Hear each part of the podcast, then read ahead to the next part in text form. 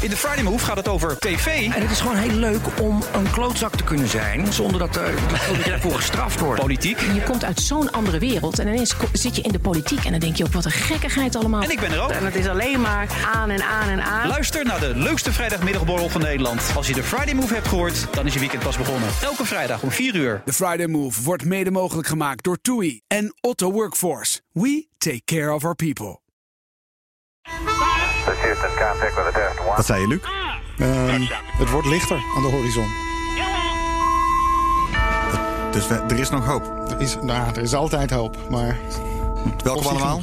Welkom allemaal bij Space Cowboys. Live eh, kijkend naar, nou ja, misschien hopelijk de SpaceX eh, launch. Ehm, ik zie twee bedrukte gezichten tegenover mij van Juri en Luc. Mijn naam is Thijs Roes. Hi Thijs. Hallo allemaal. En we zitten nu twee minuten voor een weather update. Ja, dat klopt. Nou, drie minuten nog. En dan horen we of het überhaupt vanavond doorgaat of niet. Ja, ja. De- want eigenlijk staan ze op dit moment op een go, maar het kan nog een no-go worden. Is dat een beetje de. ja, technisch eh, is alles in orde, maar het weer. En eh, ja, het, eh, het luistert allemaal, lijkt het nog nauwer dan bij de shuttle in het, in het verleden. En eh, het weer, de lanceerroute moet goed zijn om eh, eventuele ehm, noodontsnappingen eh, te kunnen faciliteren. Dus Oh ja, oké, want er was van alles. Hè? Dus geen, geen hoge wolken, de, de, de bliksem mag niet. geen bliksem, geen, eh, eh, ehm, geen, geen wolken, eh, geen regen. ehm. De wind. Het is een hele lijst eh, waar je aan moet voldoen. En dat is vooral in eh, Florida best ingewikkeld. Ja, normaal, ges- normaal gesproken voor een lancering eh, wordt er natuurlijk ook op gelet. Maar dan is het vooral eh, om ervoor te zorgen dat tijdens de lancering vanaf de lanceerbasis niet zoveel misgaat. Maar je moet er natuurlijk ook rekening mee houden dat eh, als er iets misgaat, dat de bemanning ook weer veilig kan landen verder op de oceaan. Precies, ja. En nu eh, is er ook nog de vraag: ehm, eh, ja, als er hold, hold, hold wordt geroepen, dan is het meteen voorbij. En waarom is dat dan precies? Nou, dat heeft er vooral mee te maken dat eh, ze eigenlijk direct naar het ISS willen gaan. Dus dat het in een perfecte baan eh, als een soort van achtervolging achter het ISS aan moet gaan. En eh, dat ISS beweegt zo snel eh, over de aarde heen dat je maar echt een heel beperkte tijdzone hebt om eh, te lanceren en op tijd bij het ISS aan te komen. Anders moet je veel meer brandstof verbruiken of doe je er gewoon veel langer over voordat je kan koppelen. Aha, ja. Zullen we even kijken- luisteren naar wat er gezegd wordt? Lijkt me een goed plan. Again, we're less than two minutes now from that weather update that uh, is going to go directly to Bob and Doug, and we will quiet down so we can listen in for that because I know we can't wait to find out what that is. And Zij uh, those of you Je bent niet watching that have been following along, um, we are eagerly awaiting to hear um, whether the weather is going to be a showstopper today. Ja, dan gaan we met z'n allen wachten. Tja, ja. Kans, kans is wel groot. Want het, het ziet er eh, nou, behoorlijk actief eh, eh, uit. Het ziet er wel acte- je ziet wel heel veel blauwe lucht, maar het Ja. ziet er ook behoorlijk actief uit in de lucht. Precies, really ja. deceiving at times, right? You see the blue skies peeking through, and you think everything's fine, but you Ja. just don't know. That's why we have those launch weather officers. Strak blauw, dat is Absolutely. altijd het beste. You know, we've talked about it before, but it's not just the weather in Florida that they're looking at. They've got to look at weather downrange. If they if they were to have an abort um, in flight and they needed to come down somewhere in the in the ocean. Uh, they need to consider what the weather's like out there because Yeah. recovery teams have to go out and get them in a situation like that. So there's so many variables, um, and that's why um, not just with this flight, but you know, with every human space flight we've had in the past, there's always a very good chance of of a scrub because Ja. En ze zeggen van eh, op have 20, 20 seconden eh, dan eh, zouden ze het in principe moeten weten. Het is, het is wel spannend, hè? Ik vind het heel grappig. Ik zag toen straks, ik was een uur geleden eh, aan het kijken, toen wa- waren er al 400.000, 500.000 mensen aan het kijken, nu 1,6 miljoen. Ja. Het is al. eh, Het leeft wel. Het voelt als ja. een soort Ja. van countdown wacht binnen een countdown. Ja. Het? Een countdown binnen een countdown, ja, precies. Nou, de nog niks? Falcon-raket staat in ieder geval goed te dampen. Hebben jullie volume ook aan jullie kant? Jullie horen het ook? Nee? Nee, ik zou je, ik zou je er niks gezegd. Nee, er wordt niks gezegd. that is liquid oxygen you see venting off the rocket. That's completely normal and expected. Ja, toch grappig. Want ik bedoel, er zijn wel vaker update. launches natuurlijk van mensen naar het, Um, naar het ISS. can give us another uh, 10 minutes, I don't think we're going to get there uh, with any of the rules today. Nee. I'm going to give you 10 minutes. I mean, another 10 minutes past T0. Oh. 1640, 1645 local, I think we'll probably be clear on all the rules. But uh, Not Yeah. quite, not quite going to make it for this. not, Ah, not quite, not kort, quite gonna make it. Nou, waar gaan we het vandaag over hebben, jongens?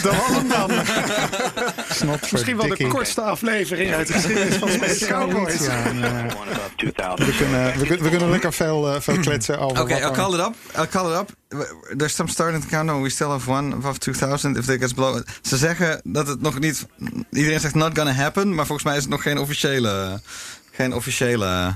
Nee, Hij maar geeft het nog twee minuutjes, maar dat Sounds ziet er niet great goed right there. That was the weathernet going out, but we're still standing by for Ja, a precies. final decision. Oh, Ja, oké. Ja, nou. Ja.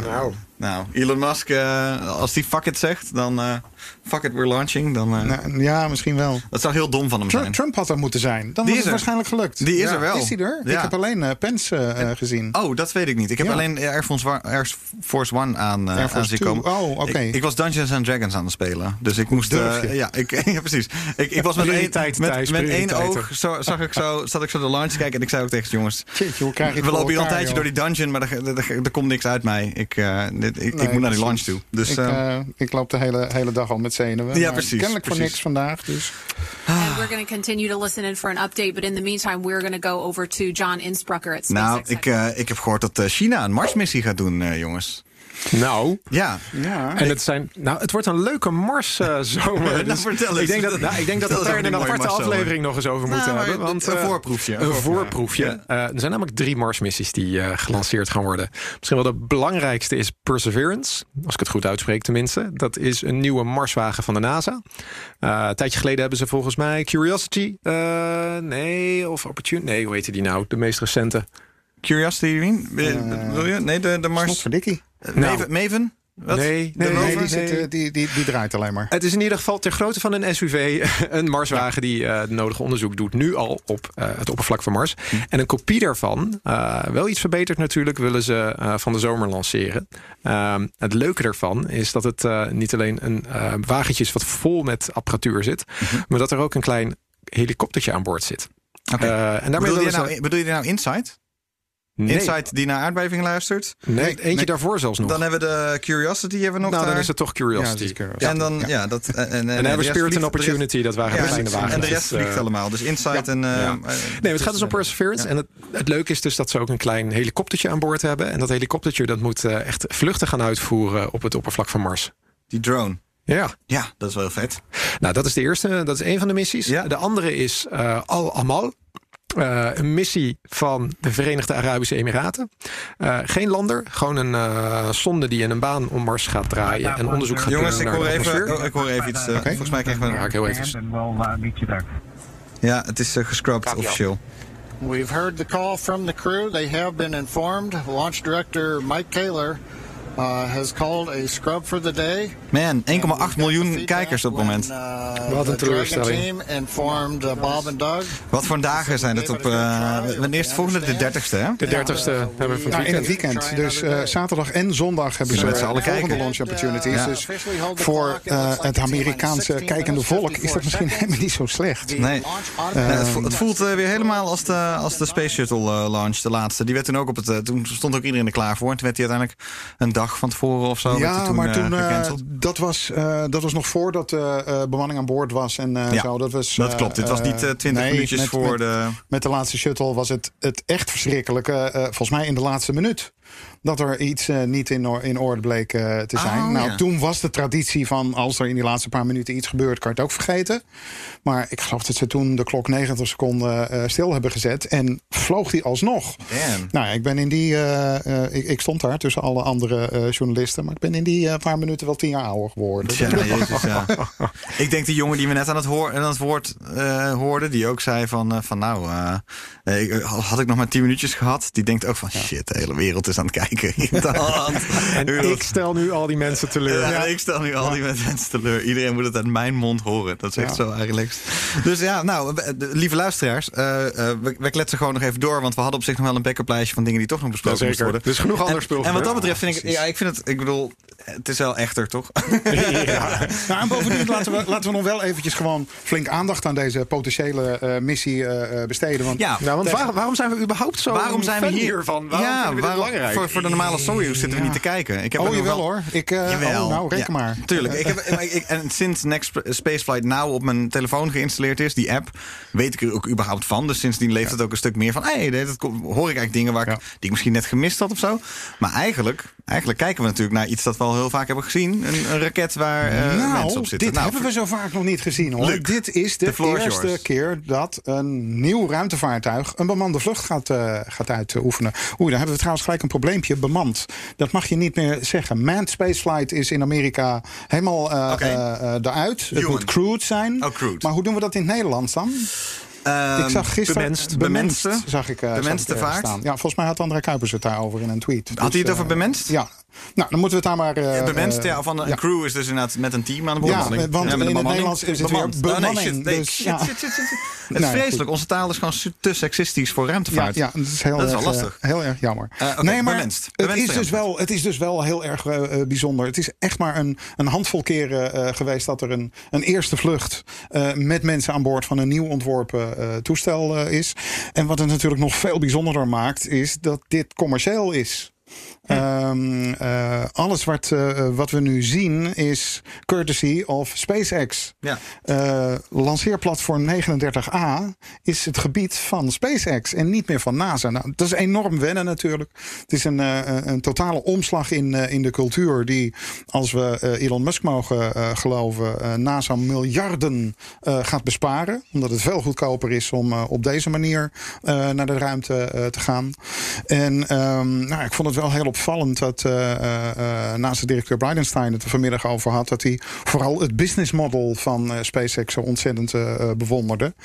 Iets bouwen, namelijk? iets proberen, lanceren. Kijken wat er niet werkt. Iets veranderen en nog een keertje eh, lanceren.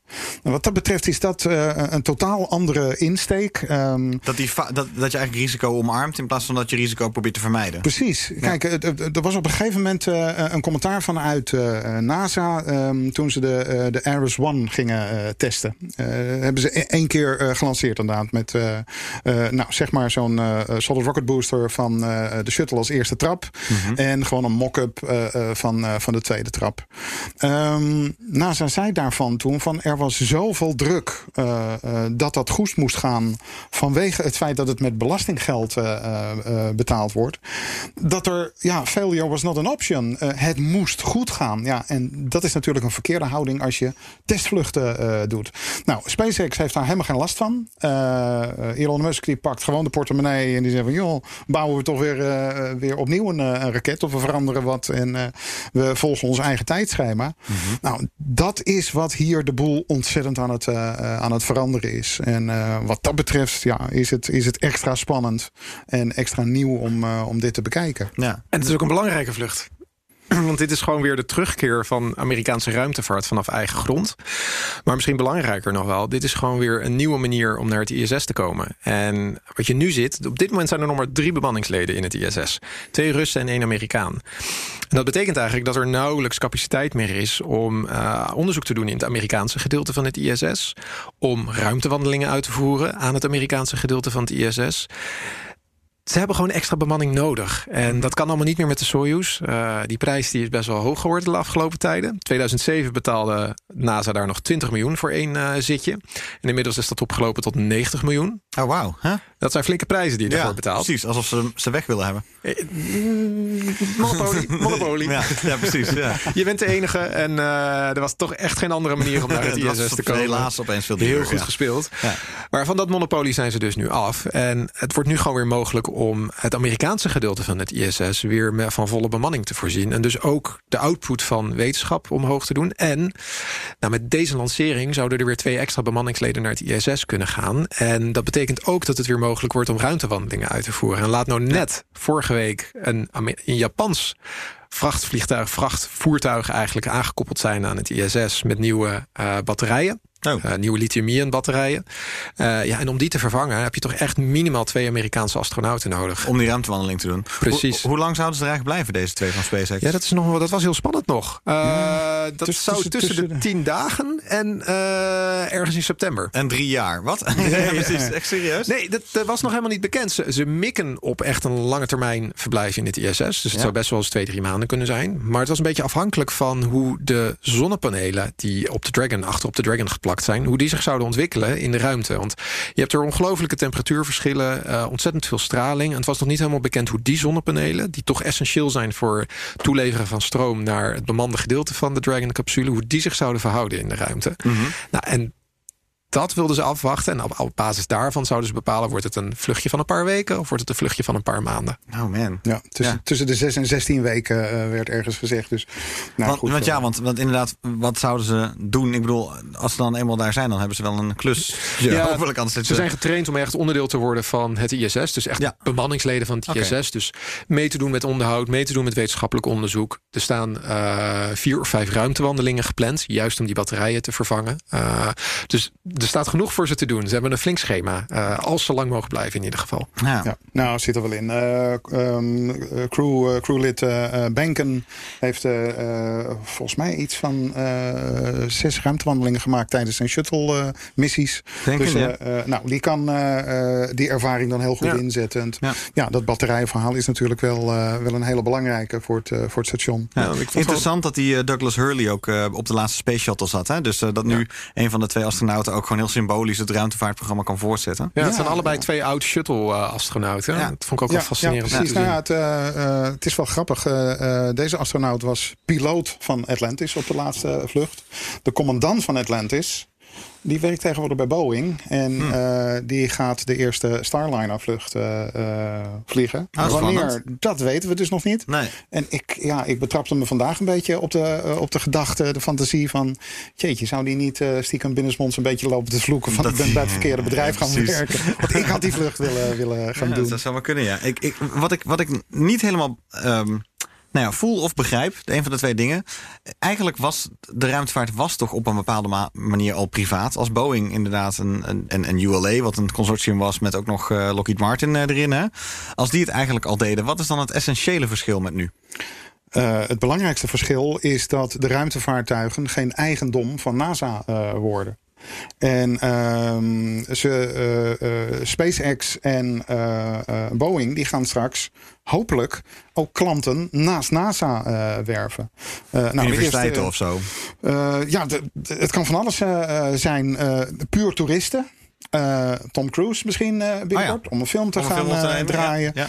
Maar ehm, ja, ook de Verenigde... eh, ehm, eh, eh, Arabische Emiraten. precies, die. Ah, nee, die Ja. ging met de Soyuz. Ja. Eh, Ehm, ja, ja, precies, inderdaad. Die, die hebben kennelijk een Soyuz eh, eh, gekocht. Maar je kan je op die manier natuurlijk ook eh, voorstellen dat eh, eh, andere mogendheden die niet het budget hebben om zelf een lanceersysteem of een ruimteschip te gaan Maar wel een astronaut. Maar wel ambities Ja. hebben, ja, die kunnen vrij simpel een stoel kopen. Ja, dus NASA koopt, koopt niet een eh, heel programma, koopt niet, een, eh, koopt niet een stuk hardware, maar ze kopen toegang tot het ISS hier eigenlijk mee. Een stoel. Of ja, nee, eh, ja een enkeltje, taxi. enkeltje en een retourtje. Het is, ja, een het is echt een taxi. taxibedrijf aan het worden. Damn. Als dat ding landt, dan ja, SpaceX kan het gewoon weer hergebruiken voor een andere missie. Ja, daar gaan ze dan zelf over.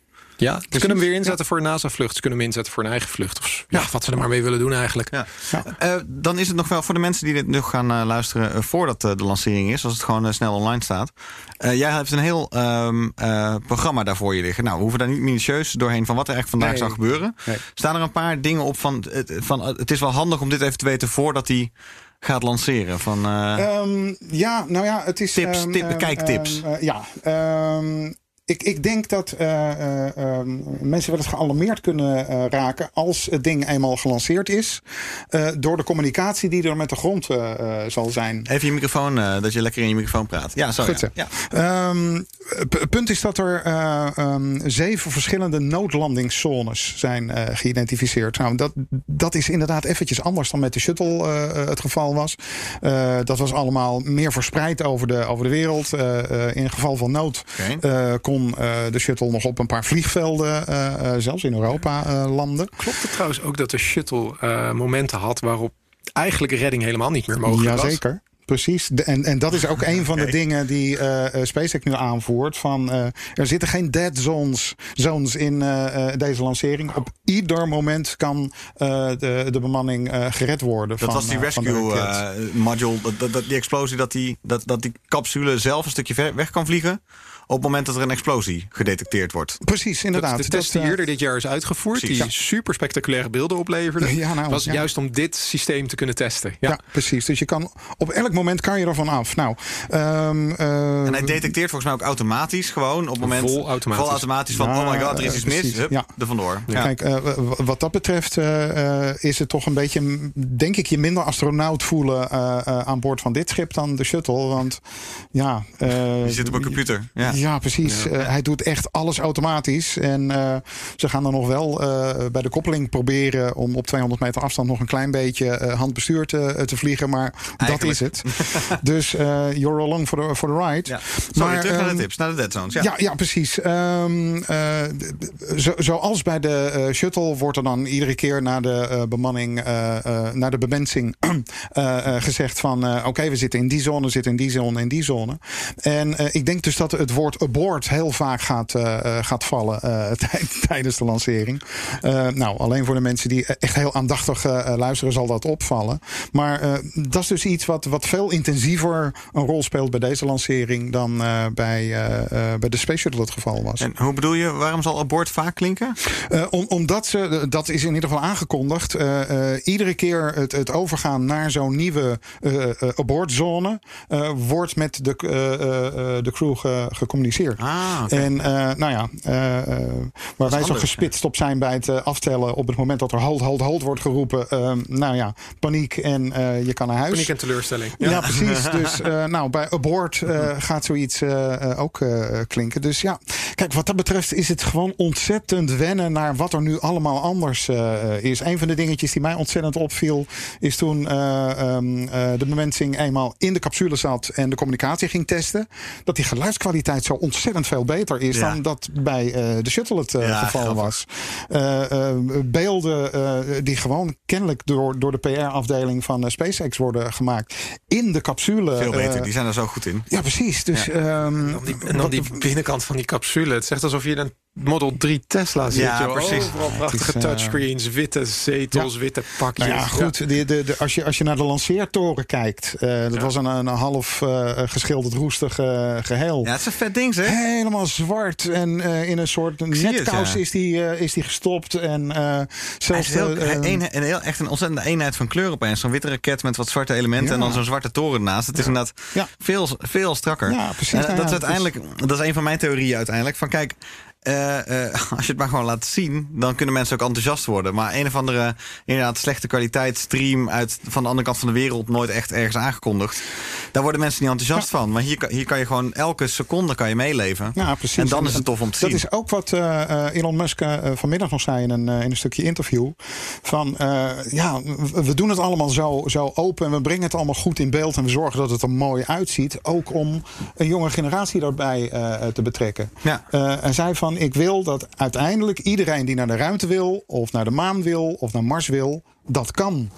En ja, nou ja, goed. je, je, kan hem, je kan hem van alles beschuldigen. eh, niet van eh, bescheidenheid in plannen. eh, in Nee, precies. geval. Het is ambitieus. Deze man heeft ja, wel een enorme invloed. Als je bedenkt dat het, het bedrijf SpaceX gewoon pas 18 jaar bestaat. Ja. En dus nu bemande ruimtevaart gaat doen. Ja, Bemenst. Daar, bemenst. Daar deed Boeing toch een stukje langer over. Ja.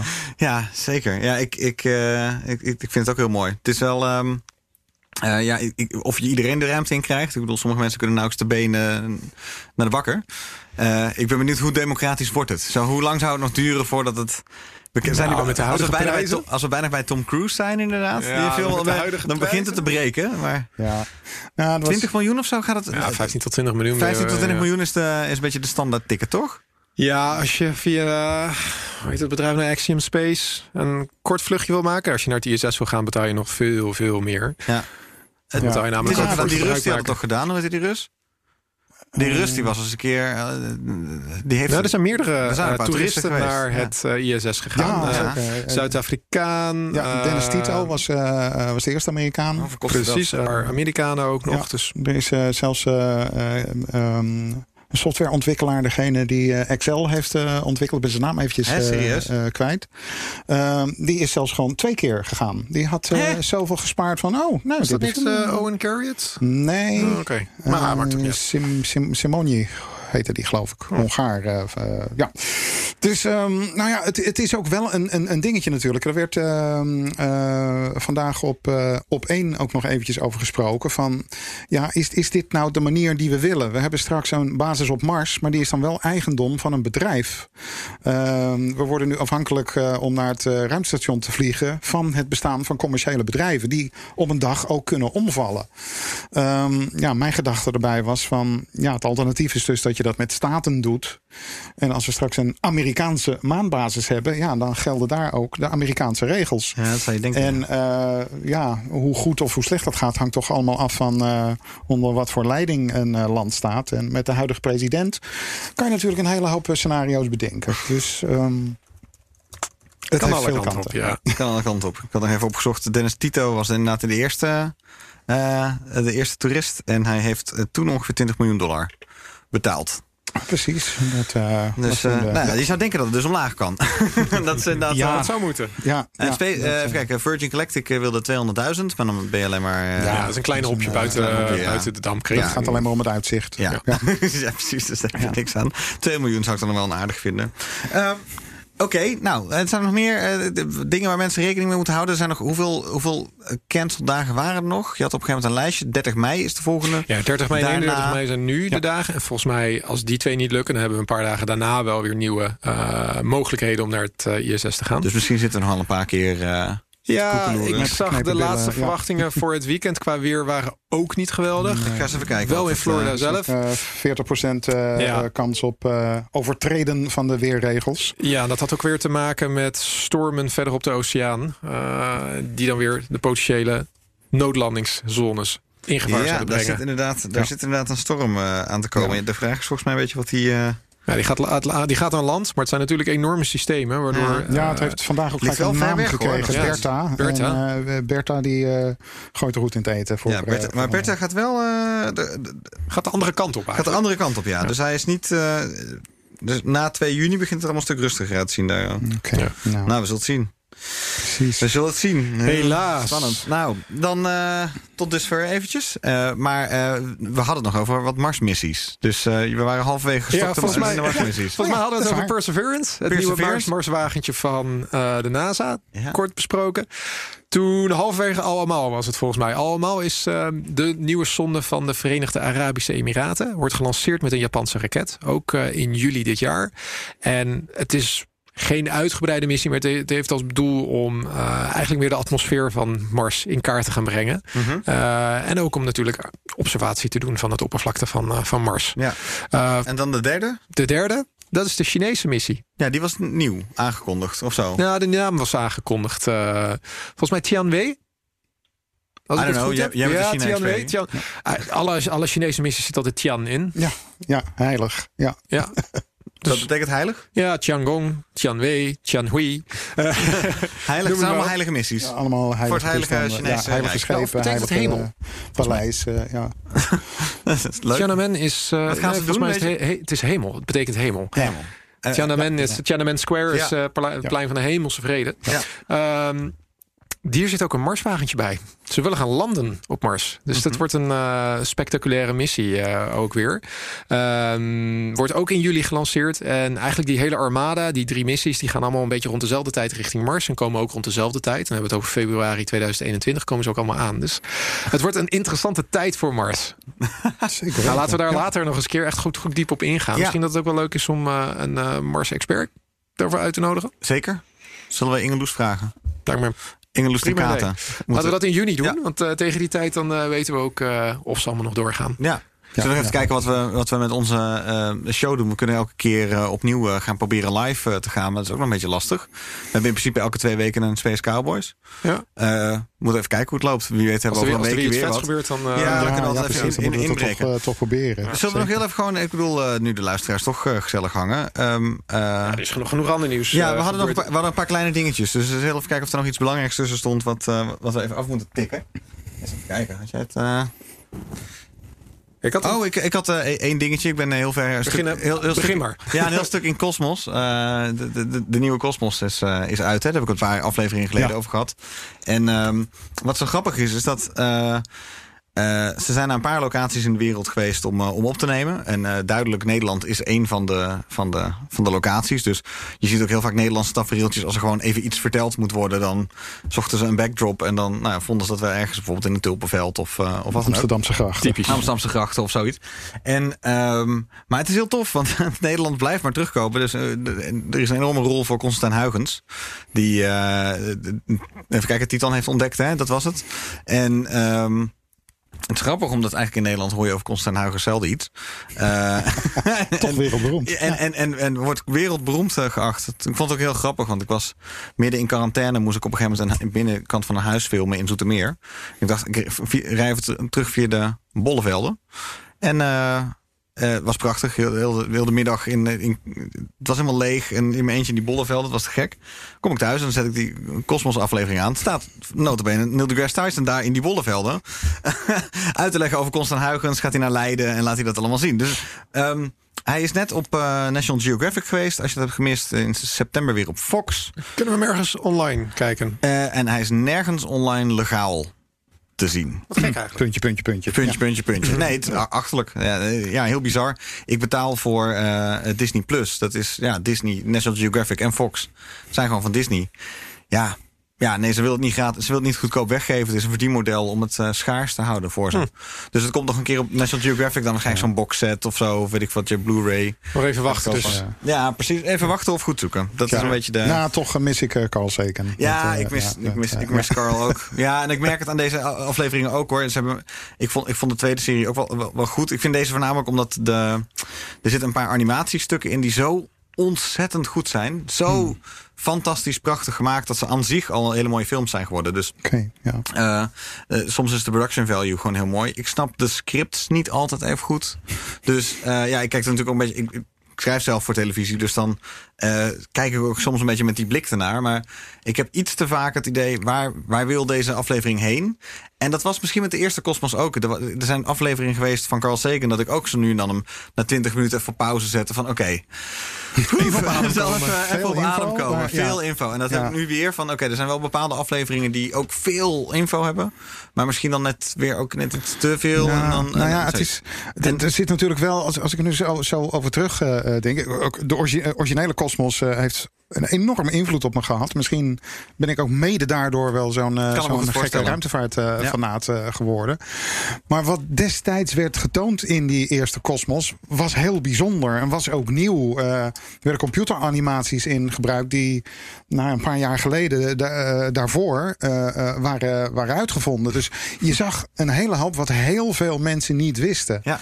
En dat is natuurlijk best een beetje afgesleten. Het is best moeilijk om nog iets heel bijzonders te, te maken. En een heel bijzonder verhaal eh, te vertellen. Klopt. Dus ja, misschien, misschien dat ze daarin. Je, mensen de, weten al eh, veel. We, we weten al veel. precies. En, nou, dan gelukkig Ja, maar. ja, absoluut. gelukkig maar. Ja. Er, eh, je hebt helemaal gelijk. En dat, dat zie je er dus ook wel aan af. Er zijn een paar persoonlijke verhalen die fantastisch zijn. Omdat er altijd in de geschiedenis nog verhalen zijn die onverteld zijn. Eh, maar één hele mooie vind ik eh, dat ze naar Uranus. Het is een mooi stukje over Uranus. En dat is heel leuk. Want Uranus is inderdaad echt zo'n vergeten planeet. Van eigenlijk, het heeft ook En, eh, eh, maar het, staat op zijn kant. Eh, Het is super bizar. Eh, 90 graden gedraaid naar ons Ja. toe. Gekke planeet. Een heel gekke planeet. En eigenlijk heel veel over onbekend. Er zijn geen missies naar. Ook om daar nou eens, nou eens achter te komen. Dus gewoon totaal niemand mee bezig. En dat is heel leuk. Dus als je dan opeens hè, de 20 minuten daar wel over aan het leren bent. Nou, dat is, dat is te gek. En zo zitten er echt wel een paar. Er zitten nog wel een paar dingen in. Maar ja, wij zitten, wij, dit groepje hier, dit clubje hier. Wij zijn natuurlijk ook wel bovengemiddeld. eh Ja, eh, geïnteresseerd. ja, geïnteresseerd en verwend en- door en- en wat we allemaal al eh, gezien hebben. Ja. Jury, heb jij nog iets eh, zeer eh, nodigs? Nodig. Dat vertelt moet, dat, dat het ganse Ja, volk ik- weten moet. Ik, ik, Maanmissies. Ja, laten we het even een Artemis-update. Oh, een net zoals update. elke week. Net zoals elke week. Oh ja, oké. eigenlijk. Ehm, er is wat meer technische informatie naar boven gekomen over Artemis 2. Dat is de tweede lancering van de SLS en de tweede lancering van de Orion. Eh, we hebben, wa- waar is de eerste lancering van de SLS? Oh, die eh, zou eigenlijk eind volgend jaar plaats moeten vinden. Een Nee, die zou eigenlijk in 2013 hebben moeten plaatsgevonden. Laten we wel eventjes beginnen bij het begin. Ja, jij speelt vals. Ja, oké. 2013, maar Zoiets. kleine technische probleempjes. Hè. Kennen we Klein, allemaal wel eens een tegen bij eh, grote projecten. Het duurt echt net iets langer, jongens. Ja. Nou, de eerste bemande lancering, of de eerste onbemande lancering is dus volgend jaar. En eh, niet lang daarna, nou, we hebben het al wel over anderhalf jaar. eh, moet Artemis 2 plaats gaan vinden. En dat is de eerste bemande lancering van het hele Artemis-programma. Bemenst. Eh, eh, Scherp. Ik ga het dit- deze fout ga ik nog een paar ja, keer of, maken. Of het is een lelijk woord en het bekt niet lekker. En je moet dan dus gewoon zeggen eh, met, met mensen aan boord. Crude flight. Ja, crewed flight. Ja. Dan gaat er een SLS met mensen aan boord omhoog. Ja, Ja, wa- wa- wat, makkelijker van de tong rolt, Julie. Ja. Maakt mij helemaal niet uit. En het idee was altijd al dat deze eh, vlucht eh, een rondje om de maan zou gaan maken. Eh, dit zou ook de ultieme test zijn van Ori- Orion, de capsule, waar mensen mee uiteindelijk terug naar de maan moeten gaan. En ze hebben nu iets nieuws toegevoegd aan deze missie. En dat is namelijk dat er gedurende de trip naar de maan, dat er ook nog eens een, eh, een, een docking-experiment gedaan moet worden. Wat ze namelijk willen doen, is proberen om die capsule vast te koppelen aan een ander object. Waarschijnlijk de bovenste trap van de SLS-raket. Om dat hele ballet in de ruimte eigenlijk te oefenen. Want straks voor die ma- echte maanmissies moet die capsule ook gekoppeld worden aan de verschillende maanlanders. En soms zijn die maanlanders bestaan ook weer uit verschillende systemen. Dus dat hele ballet van onderdelen aan elkaar koppelen, eh, loskoppelen, eh, op het juiste moment bij elkaar in de buurt komen. Dat is iets wat ze willen gaan oefenen. En de manier van lanceren en landen, is, wordt dat dan hetzelfde als in eh 69? Nee, nee, In 69 werd gewoon het hele pakketje in één keer de lucht ingestuurd. Moest volgens mij op weg naar de maan, moest de capsule wel even losgekoppeld worden. En, En omdraaien? en aan de andere kant gezet worden. En dan vervolgens was er natuurlijk een maanmodule en een en Ja. eentje erboven zat. Nou, wat we nu hebben is dat in eerste instantie eh, worden de losse onderdelen van de maanlander eh, worden gelanceerd. En afhankelijk van welke versie we kiezen, we hebben drie versies, hebben in de vorige aflevering ook uitgebreid eh, bij stilgestaan. Ehm Even afhankelijk van hoeveel onderdelen dat zijn, moeten die ook aan elkaar gekoppeld worden. En dan op een later tijdstip wordt de bemande capsule, de Ora- Orion-capsule, wordt gelanceerd. En die wordt dan gekoppeld aan ergens tussen de maan en aarde in, wordt gekoppeld aan elkaar. En dat hele pakketje gaat dan naar de maan en gedeeltelijk daar ook weer landen. Ja. Nou, en dat is een beetje dat hele ballet, dat moeten ze gaan oefenen. En dat is dus een nieuw element wat aan die missie is toegevoegd. Ja. Ja, ik, ik, ik, elke keer als ik iets over SLS hoor, dan denk ik, Ja. denk een beetje van... Het zal Oké, wel. ja, nou ja, een beetje van, gaan ze hem al cancelen of zo? Of, Nee, eh, nee, nee. Ik heb nog wel een leuk haalt- stukje haalt, soap. haalt SpaceX er niet gewoon in dan, op een gegeven moment? Want ik bedoel, een Falcon Heavy kan toch ook naar de maan? Zou- Of, het zou me niks, eh, niks niks verbazen. Het, Het is niks nog wel een gedoe binnen NASA. En dat is ook een stukje soap waar ik nog even op in wil gaan. Eh, de leiding van de Human Exploration Office van NASA. Daar is een hoop gedoe over geweest afgelopen week. Ehm Doug Lavero was voorheen een soort van leider van eh, het bemande ruimtevaart gedeelte van NASA. En vorige week kwam er opeens een brief van Doug Lavero waarin hij per direct zijn ontslag aankondigde. Niemand had dat zien aankomen. Niemand had dit ook echt maar enigszins verwacht. Want hij was hier net begonnen. Eh, vorig jaar was namelijk de vorige eh, leider van dit onderdeel... Was, had de zak gekregen van de, van de Trump administration.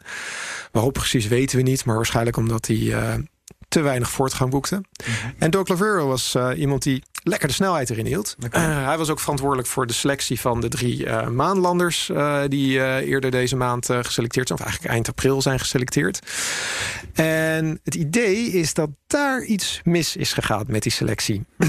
Vrij cryptische afscheidsbrief van Doug Lavero... waarin hij aangaf dat eh, elke eh, grote missie altijd zo zijn risico's heeft. En dat hij eh, een fout had gemaakt waar hij alleen verantwoordelijk voor was. En waar hij alleen de schuld voor wilde dragen. Maar er werd nergens echt uitgelegd wat er nou precies gebeurd was. Dus het roddelcircuit ging natuurlijk compleet los.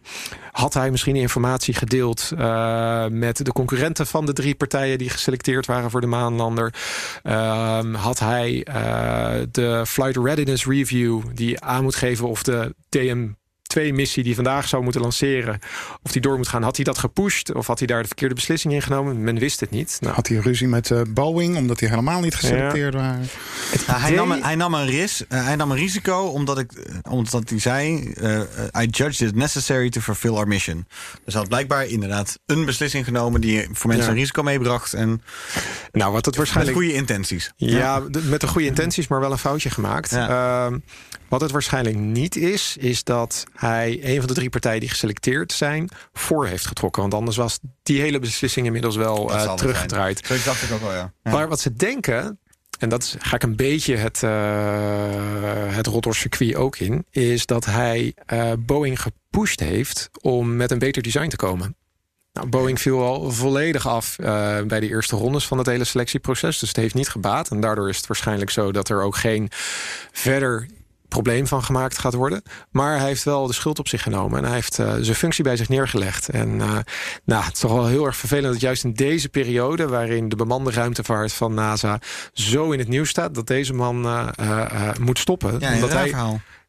Enorm veel uh, gepusht heeft. En ook enorm veel goede dingen eigenlijk gedaan heeft in de afgelopen periode. Dus het wordt weer een, um, een interessante stoelendans bij NASA. Ja, om te kijken wie hem gaat opvolgen. Een zoektocht, inderdaad. Uh, ja, wie, wie, dan? Ja, ja. het is nu een uh, Ken Bowersox, een uh, gewezen astronaut... die tijdelijk zijn stoel inneemt. Maar um, ja, dan moet vind... een, een permanent iemand komen. Precies, het is een raar verhaal. Maar je kan ook voorstellen dat uiteindelijk ook... Ja, toch SpaceX wel ook snel gaat. Ik bedoel, uh, die kunnen er wel voorbij. Hij is natuurlijk head of human spaceflight. Dus het is, ik weet niet, het voelt alsof het dus allemaal in ontwikkeling is. Als je dus niet, nu ja, ziet er, dat... Er verschuift een hele hoop op het ogenblik. Ja. Dat, uh, dat is heel erg duidelijk. Wat is op een gegeven moment de rol van de overheid? Hè? Moeten die als daar zelf dingen doen? Of uh, ja, laten die gewoon al, alles Nou over aan universiteiten? En, Kijk, ik, ik vind het wel hoog tijd worden... dat de bemenste exploratie van, van de ruimte... niet door de belastingbetaler wordt, wordt opgehoest. En ik, ik denk dat, je, dat we nu uh, in, in, in eenzelfde situatie komen als de, de luchtvaart 100 jaar geleden. En hoe ging dat? Weet je dat uh, van? nou ja, dat is natuurlijk ook helemaal experimenteel uh, begonnen. in het begin de mensen wilden vliegen, dus dat ging die proberen. Nou, uh, fietsenmakers die met, uh, met linnen en met hout en een eigen gemaakte motor aan de gang uh, gingen. En verdomd, het lukte ze in 1903. Ja. Um, in 1919 was er al een luchtvaartmaatschappij, onze eigen KLM. Uh, nou, daarvoor zat, uh, uh, zat natuurlijk de Tweede Wereldoorlog, die een enorme push heeft gegeven. De eerste. En in die jaren um, ja. um, daarna, jaren 20 en 30, is de luchtvaart inderdaad iets geworden wat commercieel interessant was. En ja, ja er zijn een paar reuzen uit, uit ontstaan, die gewoon zelf hun geld hebben, hebben verdiend. En op een gegeven moment in staat waren om fabrieken opdracht te geven van bouw voor mij een, een vliegtuig met vier motoren wat 200 man kan, kan meenemen. En ik verkoop het wel. Ja. Precies. En, en, ja, ruimtevaart gaat nu langzaam diezelfde kant op. Ja. En uh, kijk, ik heb ondanks alles uh, uh, toch meer vertrouwen in een bemenste reis naar Mars. Onder leiding van Elon Musk dan onder leiding van NASA. Inmiddels wel, ja, ja, zeker. Tuurlijk. Ja. Zeker als je ziet hoe snel Elon Musk zich ontwikkelt. Is, en hoe snel, is, nou niet Elon Musk, maar SpaceX zich ontwikkelt. Het, is, het is niet te geloven in, in 18 jaar. En ja, ze pakken dingen heel anders aan.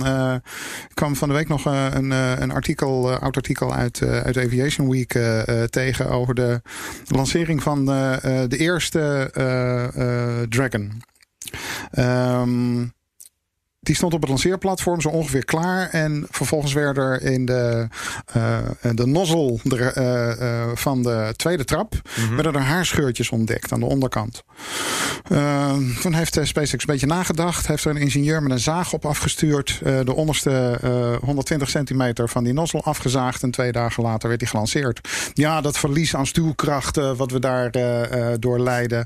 dat hebben we toch voor deze vlucht niet, niet nodig. Nou, dat is iets wat totaal on ondenkbaar is bij NASA. Daar zou een commissie op uh, uh, gegaan zijn. Die lancering zou maanden zijn uitgesteld. Uh, Rapporten over geschreven, risicoanalyses. En, ja, Topmensen opgestapt. Ja, ja de, de, de, technici van Musk die, die proberen wat. En als het niet, niet werkt, nou, dan proberen we morgen wat anders. Ja, dat gaat ook zoveel sneller dan... Absoluut. Ja, het, ging, ja. het ging destijds met, met treinen niet anders. Hè? Eigenlijk met heel veel uitvindingen is het is zo gegaan. Met het, het menselijk genoom sequencer is ook zo gegaan.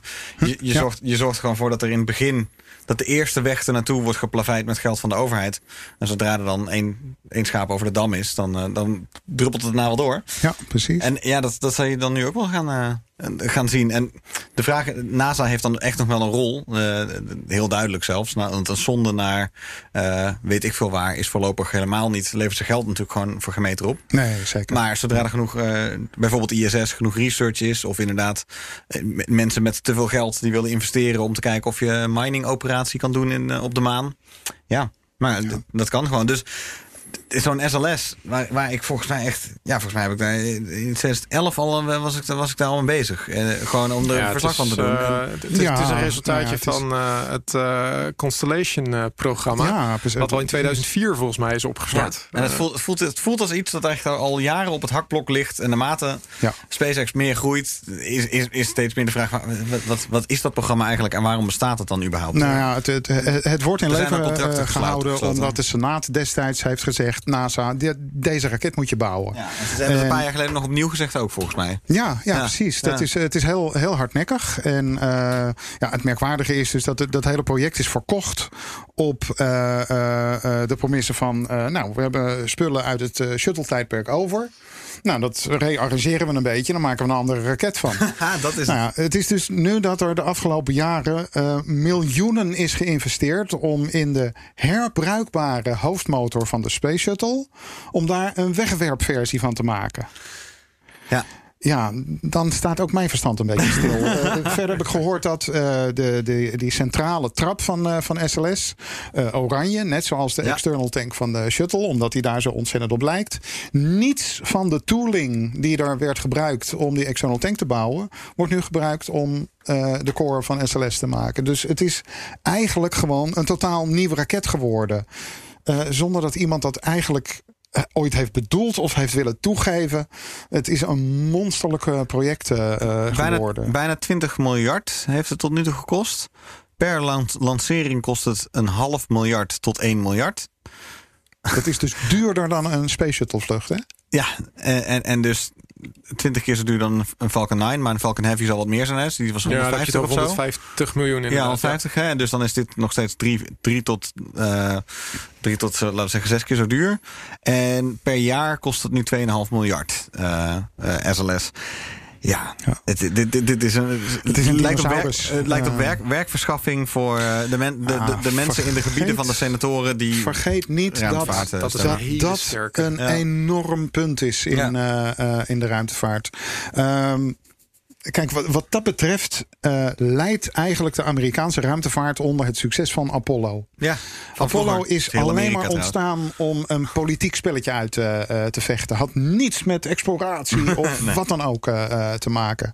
Ehm, eh, onder, mede onder druk van eh, het verlies van aandacht eh, van het Amerikaanse publiek. Eh, die viel al in slaap bij Apollo 12. ja, dat hebben we allemaal al gezien. Dus waarom zouden we nog een keertje? Ja. Ehm, dus Ap- Apollo moest ophouden. En vervolgens werd er gepland van nou, wat, wat gaan we dan doen? En het ontstaan van de Space Shuttle is ook eh, eh, bij, eh, bij Nixon begonnen. En onder enorme druk van werkgelegenheid. Want die is belangrijk voor jouw herverkiezing. ja.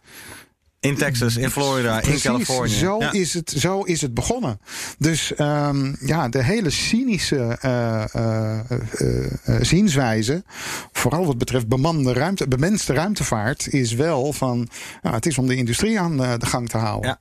En, en, en dat, verschijnsel zie je, zie je nu ontzettend bij de SLS. Ja. Ehm, in principe is de industrie eh, niet gebaat bij het opleveren van een operationeel systeem. Zolang zij kunnen onderzoeken en ontwikkelen en prototypes bouwen, blijft het geld binnenstromen.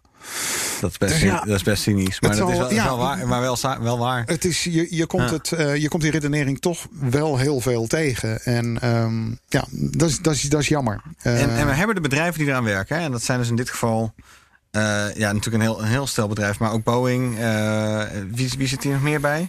Falcon, was dat niet ook een van de... Ehm, eh, hebben al die bedrijven, zijn er zoveel bedrijven van afhankelijk dat ja, ik weet niet, groeit er dan niet op een gegeven moment een nieuw bedrijf omheen zoals SpaceX dat heeft gedaan. Dat er, dat er eigenlijk nieuwe bedrijven die naar andere oplossingen zoeken, dat die op een gegeven moment dat gaan inhalen. Natuurlijk. Ja. Dat is, eh, Ze worden, ze worden links en rechts eh, ingehaald. Als je, het is niet, niet bij te houden. Eh, Daar zal uh, Joek meer van weten. Hoeveel kleine raketjes er niet in ontwikkeling zijn over de, over de hele wereld. Ja, precies. Mhm. dat, is, dat is onvoorstelbaar. En dat zijn niet meer de traditionele grote jongens. Nee, het, uh, ze noemen het ook al New Space versus Old Space. Old Space zijn de grote oude bedrijven. En New Space, dat zijn al die hele flexibele en uh, vernieuwende bedrijven die uh, nu steeds opkomen. Ja. Denk aan Rocket Lab, denk aan nou, SpaceX natuurlijk, Blue Origin. Uh, denk ook aan Virgin Orbit. dat soort, dat Ja. soort bedrijfjes Ja, komen hier jonge, jonge honden die ergens in een schuurtje beginnen. En het uh, zo af en toe heel ver weten te schoppen. Ja, ik zie ook dat uh, er inmiddels natuurlijk al een hele lijst van missies die oorspronkelijk gepland waren voor SLS, ook al officieel overgeschakeld zijn naar een Falcon Heavy of zelfs al een New Glenn. Uh, ja. Wat is die Falcon precies? Vulcan. Vulcan? Vulcan is, we hebben uh, de United Launch Alliance uh, is een uh, samenwerking tussen Boeing en Lockheed. Ja? En die lanceren nu bijvoorbeeld de Atlas V. Dat is een raket die veel gebruikt wordt voor militaire missies. Mm -hmm. En die maakt gebruik van een Russische motor, de RD-180. Uh, ook hier weer, elke, elk jaar wordt er een geld overgemaakt naar Energia. Ja, een, een Russisch bedrijf, ja. inmiddels onderdeel van... Uh, uh, inmiddels onderdeel van de Russische regering. Mhm. Mm -hmm. En daar willen ze vanaf. Dus er moest een nieuwe raket komen. En dat is de Vulcan geworden. Ja, en die okay. wordt aangedreven door een raketmotor van Blue Origin. Van Jeff ja. Bezos. Oh, de Vulcan is dus de opvolger van de Atlas V. Oké, okay. ja. en hij staat gepland voor een eerste lancering over één jaar. Juli 2021. Klopt. Ja, nou, de, de komen, het begin van dit decennium gaat, daar gaat zoveel veranderen. Dat, ik, dat, dat over tien jaar herken je denk ik inderdaad de spacewereld niet meer terug. Dat Nee, gewoon, zeker. Uh, nou ja, uh, wat er de komende uh, paar jaar uh, te wachten staat in bemenste ruimtevaart is, is behoorlijk indrukwekkend. Mhm. Mm -hmm. um, uh, wildcard voor, uh, voor India. Uh, die roept inderdaad al een paar jaar van wij gaan ook met mensen de ruimte in. Gaganyaan gaat de capsule heten. Er moeten geloof ik ook vier stoelen in, in zitten. En over twee jaar zou het ding moeten, moeten vliegen. Um, nou ja, we kennen India een beetje. die en lanceerschema's, dat is niet een, een hele strakke organisatie. Het zijn vrij flexibele schema's. Laten we, laten we het Ja. zo noemen. Maar het is wel, uh, het, het is wel spannend. Een potentiële nieuwe, nieuwe speler. En wat echt druk gaat worden uh, komende jaren is China. Uh, we hebben natuurlijk uh, um, kort geleden de, de eerste lancering van de Lange Mars 5B uh, gehad. Essentieel voor het omhoog brengen van de diverse modules van een Chinees ruimtestation. Wat een beetje op Mir gaat, gaat lijken. Um, en daar gaan dan per jaar twee vluchten met bemensing naartoe. En een on, onbemand vrachtschip. Ja. Um, dus dat worden een hele hoop missies. Het station moet in 2022 al klaar zijn. Ja, dus, wat China heel slim doet, is alle landen die nu niet onderdeel zijn van het ISS benaderen. met de vraag: hey, tuurlijk, tuurlijk. willen jullie een keertje mee China. naar ons Ja. ruimtestation? Heel erg vergelijkbaar met hoe uh, de Sovjet-Unie dat in de jaren 70 en 80 ook doet. Die had het Interkosmos-programma en daar werden ook mensen uit Bulgarije, Tsjechoslowakije, uh, Mongolië en uh, Cuba uitgenodigd om een keer langs te komen in hun ruimtestations. Ja, ja er wonen overal goede engineers natuurlijk. Ja, uh, precies. En er zijn veel contacten tussen de Europese ruimtevaartorganisatie ESA en de Chinezen. Er zijn Toch al ook? een paar astronauten die Chinees aan het leren zijn. Het En dat is natuurlijk niet voor niks. Nee, het zou kunnen. Ik bedoel, ESA zet natuurlijk ook op meerdere. Die wet ook op meerdere paarden. Nou dat ja, het, wel het, huwelijk, uh, ruimtevaarthuwelijk tussen uh, ESA en NASA is nooit erg uh, gelukkig geweest. Nee, we hebben ons, Gelegenheidshuwelijk. ja, we hebben ons af en toe flink in de vingers gesneden. Space Lab ontwikkeld. Ja. Maar er stond alleen wel in het contract... na één vlucht is het ding van NASA. Oh, jezus. En vervolgens moesten ze betalen om aan boord van hun eigen Ja. laboratoriumexperimenten te Nou, kunnen doen. Cassini en Huygens, waar Huygens het nog eerder over had, dat was een goede samenwerking. Huygens was van eh, ESA en Cassini was eh, voornamelijk eh, door NASA eh, werd uitgevoerd. Dat was een, eh, een soort, soort grote broer, kleine broer situatie. Ja. En toen was het, was het wel lief. Dat, was dan, Ja. dat, ging- dat ging goed. Nou ja, Positief het, noot. Maar het over zou op zich algemeen- niet, uh, Dus niet de- slecht zijn. China, Dat, dat, uh, dat Europa met China in zee. ja, nou eh, ja, het, het, het is, volgens mij is het een goed ding dat uh, Europa in de positie komt dat ze kunnen gaan kiezen met wie ze gaan samenwerken. ja. En nou, keuze, dat is voor mij de basis van democratie. Dus, uh, zou, zou Falcon 9 ook nog ergens anders vandaan kunnen vliegen, trouwens? Dat Europa, dat ESA zegt van uh, we, we doen het vanuit een hele nee, andere daar locatie? is ESA, ESA veel te log voor. Nee, dat, uh, en dan, die stap zullen ze niet gelijk zetten. Vanuit Europa lanceren is sowieso niet interessant. Uh, omdat je te ver van de evenaar zit. Dus dan zou het vanuit Frans-Guyana, waar nu de Ariane, de Ja. Franse Ariane-raket gelanceerd. Maar ik zie dat niet zo heel snel gebeuren. Want dan moet je gewoon een enorme infrastructuur daar gaan aanleggen. Mhm. En uh, hou ook rekening mee dat Ariane Espace, uh, de eigenaar van de Ariane-raketten, een directe concurrent van SpaceX is. Dus dat Eh, gaat niet zo snel gebeuren. En van wie is Ariane pas? Uh, grotendeels van de Franse overheid volgens mij. Ja. Uh, met Huh. nog een aantal andere grote uh, Europese technologiebedrijven als Thales Dus de Alenia kans en- dat eh, ESA op een gegeven moment bij SpaceX eh, in gaat kopen. Op dezelfde manier als NASA. Ik zie er wel je hoofd schudden. want, want Europa poli- is... politiek is- gaat het ook niet. De Nee, politiek nee, nee, nee, nee. Europa gaat uh, uh, Ariane 4 raketten, Vega raketten en uh, dat is het wel een beetje kopen. Europa wil ook meedoen met zijn eigen dingetje. ja, en dat, daar zitten ook weer politieke dingen Ja, achter. Kijk, nou er ja, moet, er wat- moet bijvoorbeeld wat- een...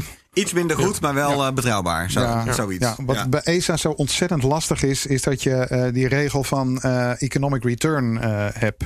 Alles wat een land, want zo, zo werkt dat, ieder land draagt bij aan het ESA-budget. Eh, als ik er eh, een miljoen in stop, moet ik ook een miljoen aan contracten daarvoor terugkrijgen. Nou, die regel die, die wringt aan alle kanten, want eh, dat ik er een miljoen in stop, betekent niet dat ik zoveel ruimtevaartindustrie heb, dat ik ook weer iets interessants eh, te bieden heb.